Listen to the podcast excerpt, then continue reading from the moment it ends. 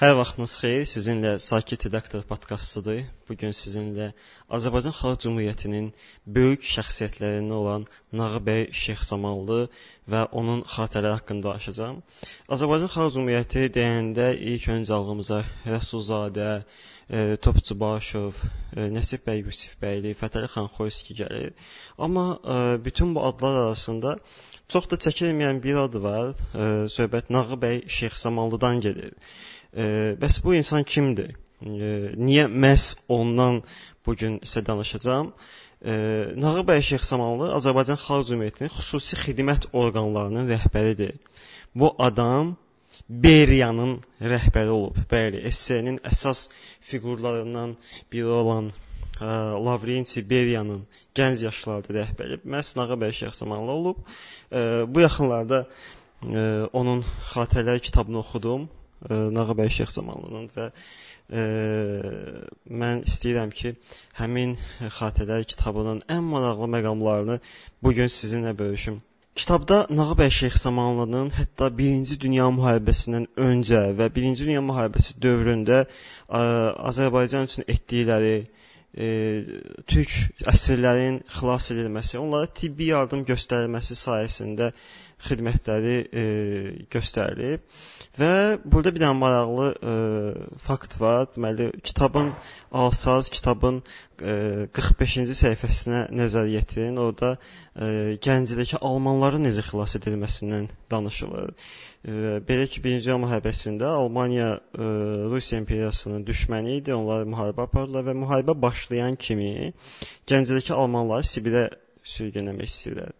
Maraqlıdır ki, e, Gəncə əhalisinin təkidindən sonra e, bu qərar ləğv edilir və faktiki olaraq Gəncədəki almanları Sibir sürgünündən e, Gəncəlilər xilas etmiş olurlar.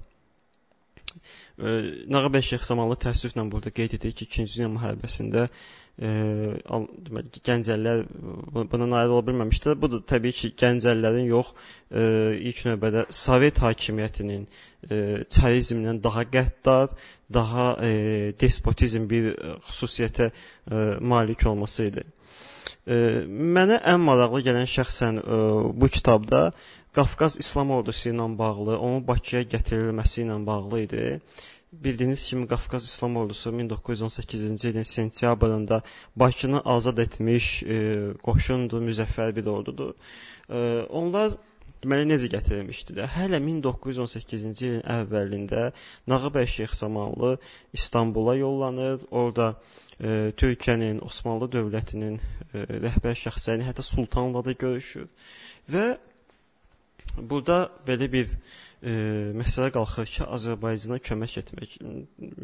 Problem onda idi ki, Azərbaycan Cümhuriyyəti onda hələ qurulmamışdı, amma hətta Cümhuriyyət qurulmamış belə bu ə, e, məsələlər üzərində işləyir də.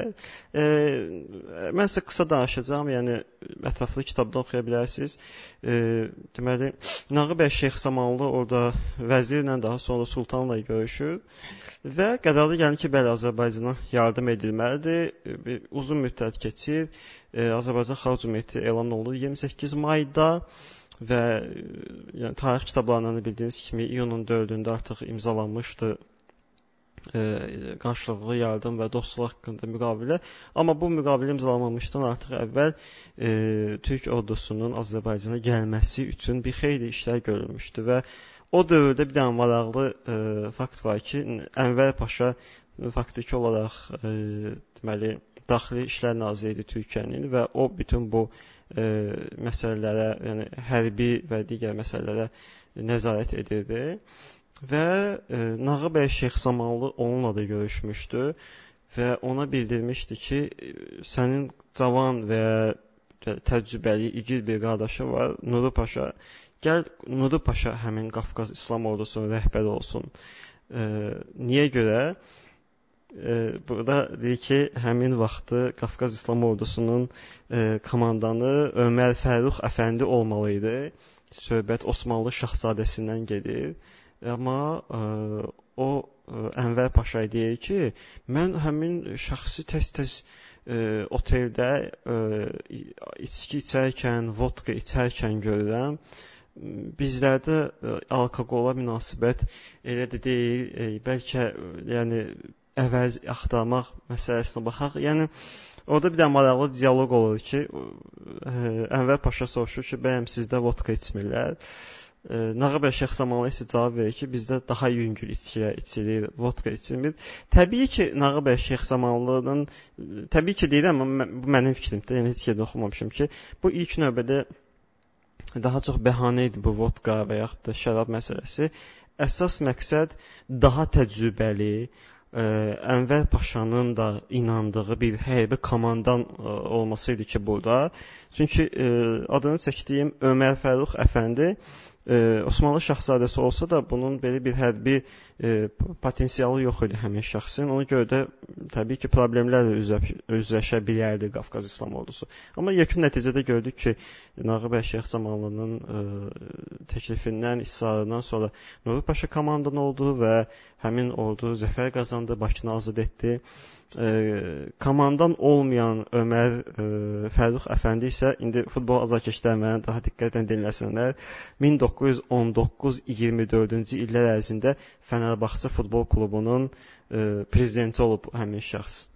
E, çox maraqlı faktdır mənə görə. Yəni ağlıma gəlməz ki, nə vaxtsa Qafqaz İslam ordusu və Fənərbağçı futbol klubu hansısa bir e, məqamda bir kontekstdə işlənəcək.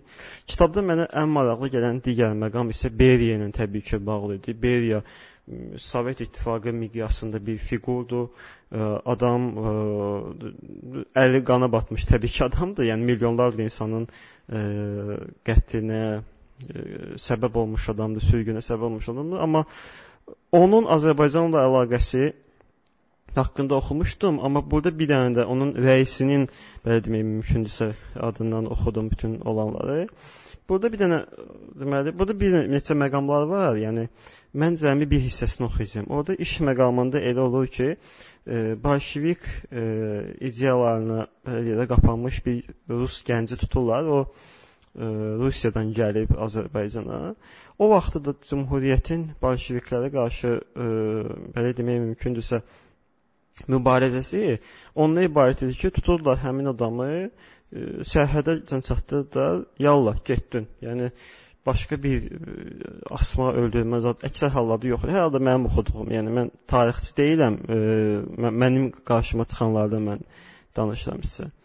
Ə, uzun sözün qısası belə bir şəxslə ə, üzləşməli olurlar və xüsusi xidmət orqanları olaraq onlar da həmin şəxsi müəyyəndirlər, gətirirlər ə, anası ilə bir yerdə və soruşurlar kimsiniz, nəçisiniz? Müəyyən olur ki, yəni rus tələbədir. Elə bir ciddi bir ekstremist ə, fəaliyyəti də yoxdur. Anası rusdur, özü rusdur. Hə, Nağıbəy Şeyx zamanında qərar verir ki, bunu paraxoda mindirin və yollayın ə, Rusiyaya. Və burada Beriya etiraz edir ki, onu niyə görə belə humanist davranırsan da daha ə, ciddi tədbirlər görmək lazımdır bunlara qarşı. Burada də maraqlı e, dialoq olur. Deməli, Nağıbəy Şeyx Zamanlı deyir ki, Beriya, səni bu qədər qəddar və vəhşi bilməzdim. Sənin haqqında əldə etdiyim məlumata görə, hələ məktəbdə oxuduğun zaman dostlarına böyüyəndə Amerikaya gedib orada gangster olacağını söyləmişsən. Gangster, təsəvvür edirsiniz, yəni sən demə Beriyanın e, deməli məktəb arzusu, uşaqlıq arzusu e, gangster olmaq idi. Sonra Amerikaya qarşı ən böyük belə deyək fəaliyyət göstərmiş e, adamlardan biri idi. Hətta atom bombasının tapılmasında da yəni əsas icraçı o idi də. Yəni Lord Dilesi icraçı direktor o idi işin. Yanılmamsa Kurçatov alim kimi fəaliyyət göstərmişdi. Beriya isə bütün o planın rəhbəri idi və Stalin ona ə, həvalə eləmişdi. Amma burada bir çox maraqlı məqamlar var. Təkcə Beriya ilə yox, ümumilikdə Azərbaycan Xalq Cümhuriyyətinin yaranmasına qədər bu kitabda nəzərdə tuturam.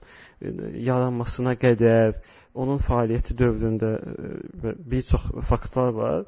Mənə digər maraqlı məqam burada ruhanilərin Fətəli xan Xoyski ilə görüşüdür.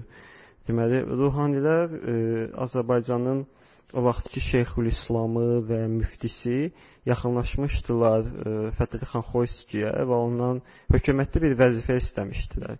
Bu da təsadüfi deyildi, çünki Osmanlı dövlətində bir ə, e, ruhanilərin bir xüsusi bir hökumət səviyyədə də çəkisi var idi.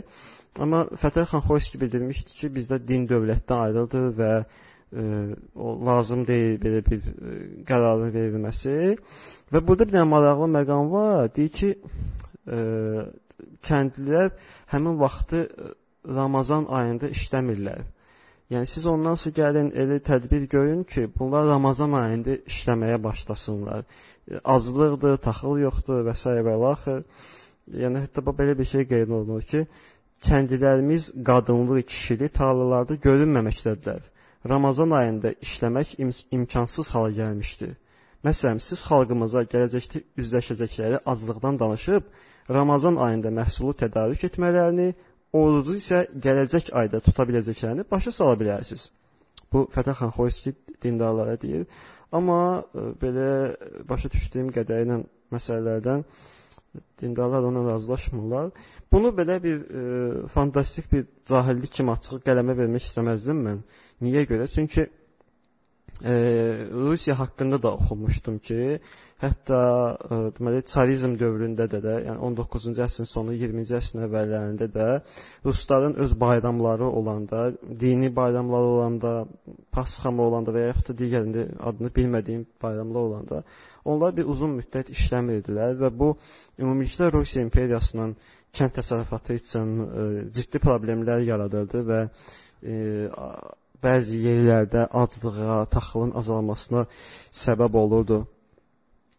Ə, ona görə də açığı ə, bu mənə bir maraqlı gəldi. Amma ki, həmçində Rusiya nümunəsi yadıma düşdüyünə görə mənə lap belə fantastik bir qəribə də gəlmədi açıq deyimsə. Digər maraqlı məqam isə Nağıbəy Şeyx Samanlının Mehmandarov haqqında, Səməd bəy Mehmandarov haqqında bir qeydidir. İndi kitabı əldə edənlər, yer gəlmişlər, kitab cəmi 7 manat 50 qəpiyyədir. Yəni belə də bahalı kitab deyil də. Kitabı əldə edənlər mütləq 165-ci səhifəyə bir dənə nəzər yetirərdilər. Çünki orada Mehmandarov haqqında deyilir ki, Hərbi nazirimiz Mehmandarlı. Yeri gəlmişlər, niyə görsə Mehmandarlı deyir. Yəqin ki, o vaxt Mehmandarov yox, ona Mehmandarlı deyirdilər. Hərbi nazirimiz Mehmandarlı Cümhuriyyətimizin il dönümündə yəni 28 may 1919-cu ildə Gəncə şəhərindəki korpus komandanlığına teleqraf göndərərək təltif olun təltif olunmağa layiq zabitlərin siyahısını hazırlayın. Gəlirəm yazır. Teleqramdan bir neçə gün sonra o gəlir və siyahını yoxlamağa başlayır. Siyahıda yüzbaşı Süleyman Mehmandarlı da var idi. O bunu görüb soruşur. Bu mənim qardaşım oğlu Süleymandır. Onun olduğunu deyirlər. Demək ki, digərləri də Süleyman kimi. Mən bunları necə tərtib edə bilərəm? Bundan sonra siyaha yenidən yoxlanılır. Süleyman və bir neçə zabitin adları siyahadan çıxarılır. Yenisi tərtib olunur və siyahı e, deməli gerçəkləşir. Yeni siyahı gerçəkləşir. Bu çox maraqlıdır ki, yəni Səməd bəy Mehmandarov öz qardaşı oğlunu e, deməli tərtib etməmişdi. Digər maraqlı fakt odur ki, e, o hansısa digər bir qohumu ilə e, deməli e, söhbəti var burada. E, o da mehmandarlılar nəslindən idi və ona deyir ki, mən artıq polkovnikəm də. Niyə görə mənə alay komandanlığı etməyi e, etibar etmirsən sən? E, o deyir ki, sən içkini at, sonra sənə etibar eləyərik də. E, o deyir ki, yəni deyəsən mənə alay komandirliyi etmək nəsib olmayacaq bayaq da içki barəsində, indi də içki barəsində deyiləndə məndə bir təəssürat yaranır ki, o məhz hərbi işində o vaxt içkiyə yəqin ki, ciddi bir e, önəm verilirdi ki, yəni belə şeylər olmasın, çünki bir boşluğun yaranmasına gətirib çıxara bilərdi. Nağıbəy Şeyx Samanlının bu kitabında həmçinin Nəsib bəy Yusifbəyli haqqında da mühüm qeydləri var. Nəsib bəy Yusifbəyli bildiyiniz kimi Cümhuriyyətin baş naziri olub, Cümhuriyyətin son e, günlərində e, artıq e, mühacirətə qaçmaq istəyib, getmək istəyib, amma Kürdəmir yaxınlığında qətlə yetirilib və onun haqqında məşhur faktlardan biri də budur ki, Nəsib bəy Yusif bəylinin çantasında yalnız onun pencəyi və şəxsi əşyaları aşkarlanmışdı. Yəni baş nazir ölkənin rəhbəri olmuş baş nazir üçün bu təbii ki fövqəladə bir fakt idi. Hamı gözləyirdi ki, oradan yəqin ki, qızıllar və digər əşyalar çıxsın. Çünki o qaçırdı, amma onun içindən yalnız ə, əşyalar çıxmışdı. Yer gəlmişkən bu çox ə, bir dənə maraqlı fakt var idi. Mən o yadımdan çıxmışdı, kimdən oxumuşdum. Orada deyir ki, ə, getməmişdən əvvəl həyat yoldaşına cibindən çıxarıb pulları verir və sonra gedir. Məhz o cibindən çıxarır, verir anlayışı var. E? Deməli bunun heç bir xarici bankda, heç bir yerdə sərmayəsi yox idi. Yəni də məsəl bir e, hansısa bankın şifrəsini deyərdi və yaxud da qırqızılı yox idi. Cibindəki pulu verir. Və yəqin ki, Cümhuriyyət haqqında azmaz oxuyanlar və e, bir çox şəxslər onun atasına məktubunu və atasının ona cavabını da bilirlər. E, bu mənə e, çox maraqlı gəlir. Hətta ilk dəfə oxuyandan maraqlı gəlmişdi. Ona görə də mən bəlkə də təkrar olacaq çoxsu üçün. Amma mən istəyərdim ki, həmin atasının onunla məktublaşmasını e, tezdən oxuyum. Bu çox maraqlıdır. Amma ondan əvvəl mən istəyirəm Nağıbəy Şeyx Samanlının onunla yazı, e, söhbətləşməsindən bir fakt oxuyum. E, Nəsib bəy Yusufbəyli ona deyir ki, görüşürlər bir günü. Nəsib bəy Yusufbəyli ona deyir ki, Allaha şükür ki, sapsağlamam. Mənim sıxıntım həmişə pul sarıdan olub ölkənin baş naziri deyir ha şey Nağıbəy Şeyx Zamanlıya demə deməli sıxıntım həmişə pul sayıdan olub. Baş nazir olduqdan sonra ondan da qurtuldum.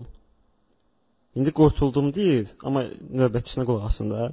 Seyim dövründə Tbilisidən maarif naziri idim və aldığım maaş məni təmin etməzdi. Seyim Qafqaz Seymini nəzərdə tutur. Bu Deməli, Azərbaycan xalq cümhuriyyəti yaranmamışdan və bütün Qafqazı, daha doğrusu Cənubi Qafqazı birləşdirirdi. Gəncədən atam, Gəncədən atamdan pul istəyirdim. Azərbaycanın istiqlalını elan etdik. Cümhuriyyətimizin maarif naziri oldum. Aldığım maaş yenə də məni dolandırmırdı. Aldığım maaş məni dolandırmırdı. Bunu Cümhuriyyətimizin maarif naziri deyir. Yəni olduğu dövrün deyir parlamentimizdə olsun, partiya daxilində olsun, ümumiyyətlə xalqımızın hər sinfi məni sevir. Hər kəsdən hörmət görməkdəyəm. Bu sözləri Nəsibə Yusufbəy deyir təbii ki. Elə gün olmur ki, cəmiyyətimizin keçirdiyi gecələrə dəvət olunmayım. Hamısının da dəvətini qəbul etmək lazımdır. Çoxusuna sıxıla-sıxıla biraz maddi köməklik edirdim. Yəni pulu azdı deyənə deyir ki, sıxıla-sıxıla köməklik edirdim. Amma baş nazir olduqdan sonra bu məsələlər də öz həllini tapdı.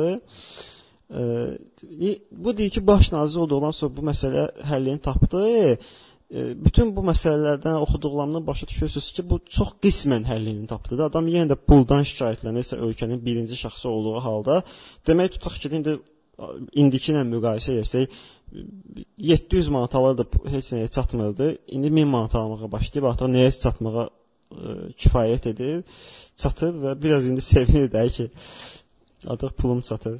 Və atasına məktubu var. E, onu oxuyacağam indi sizin üçün. Daha doğrusu atasının buna məktubu var. Onu oxuyum sizin üçün. E, əziz oğlum, artıq səbrim tükənib. Dözə bilmirəm. Hamısını yazacağam. Sıxıntı içində borc alaraq sənin ali təhsil almağını təmin edə bildim. Ali təhsilini bitirib Gəncəyə qaydanda artıq hər şeyin rahat olacağını yəqin etdim. Sən Gəncəyə gəlib bələdiyyədə ərzaq işləri üzrə müdir oldun. Sənə yenə mən baxdım. Məndən yalnız pul istədin.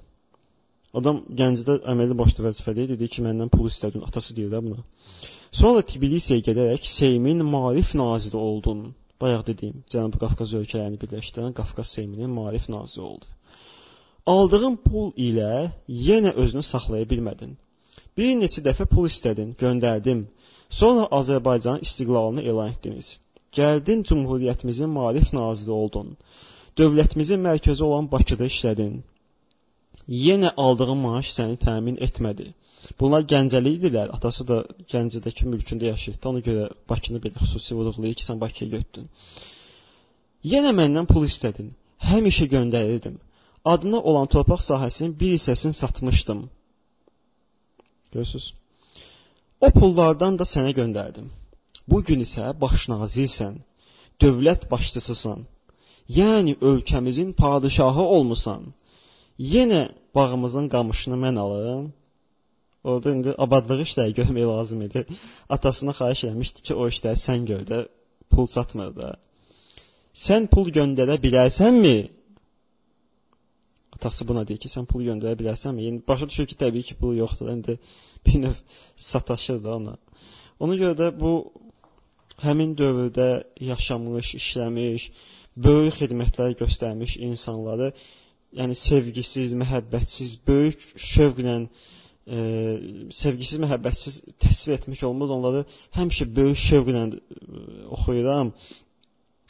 Bu adamlar demək olar ki, belə deyək də cırmaqla, belə dişləri ilə hər şeyi ilə də mübarizə aparırlar ki, bizə Azərbaycan dövlətini və istiqlalını bəxş etsinlər.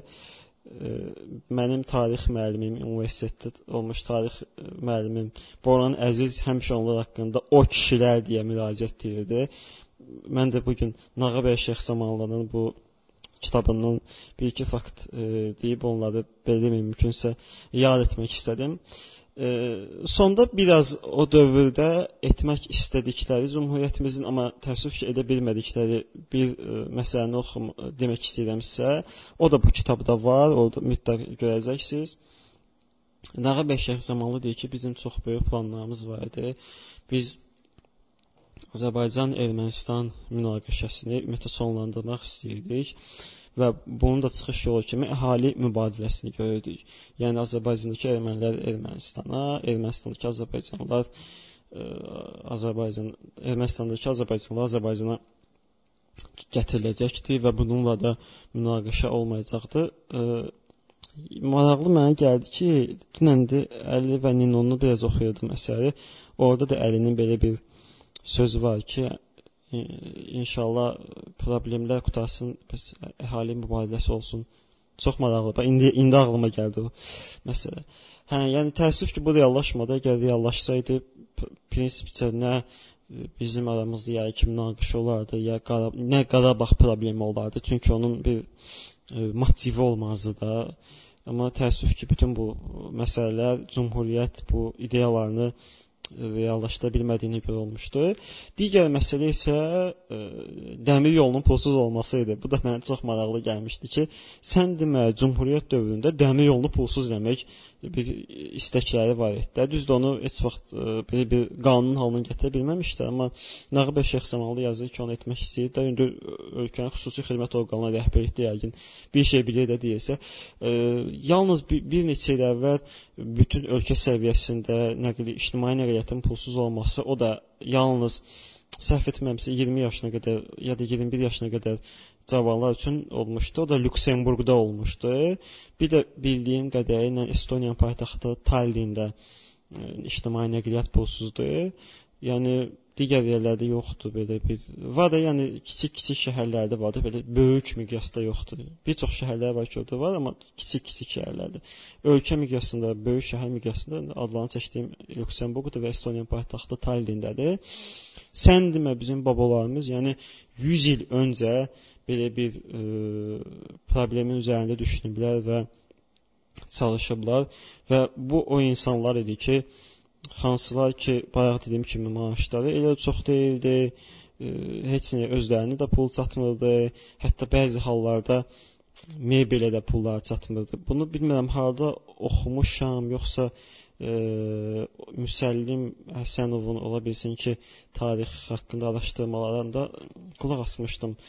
Deməli, belə bir məsələ var idi ki, hökumət iclaslarının birində müzakirə olunmuşdu ki, bəs ə, e, nazirlərə hökumətin bəzi nazirlərinin evlərində mebel yoxdur və onlara stol, stul vermək lazımdır ki, evlərində heç olmasa qonaqları qarşılaya bilsinlər. Yəni təsəvvür edirsiniz, adam ölkənin hansısa bir sektorunun idarə edicisidir, nazirdir, amma ki o stol stuldan da məhrumdur və hökumətin qərarına görə onlara ə, e, ikinci əl işlənmiş ə, e, deməli stol stullar verilmişdi və o qərarla verilmişdi ki, əgər onlar nazir postunu tərk etsələr, ya həmin stulları geri qaytaracaqlar, ya da ki, onlar o həmin stulların pulunu verməlidirlər və hətta nazirə stul verəndə də Cümhuriyyət dövründə belə ə, demək detallı və belə bir haqq hesabları var idi.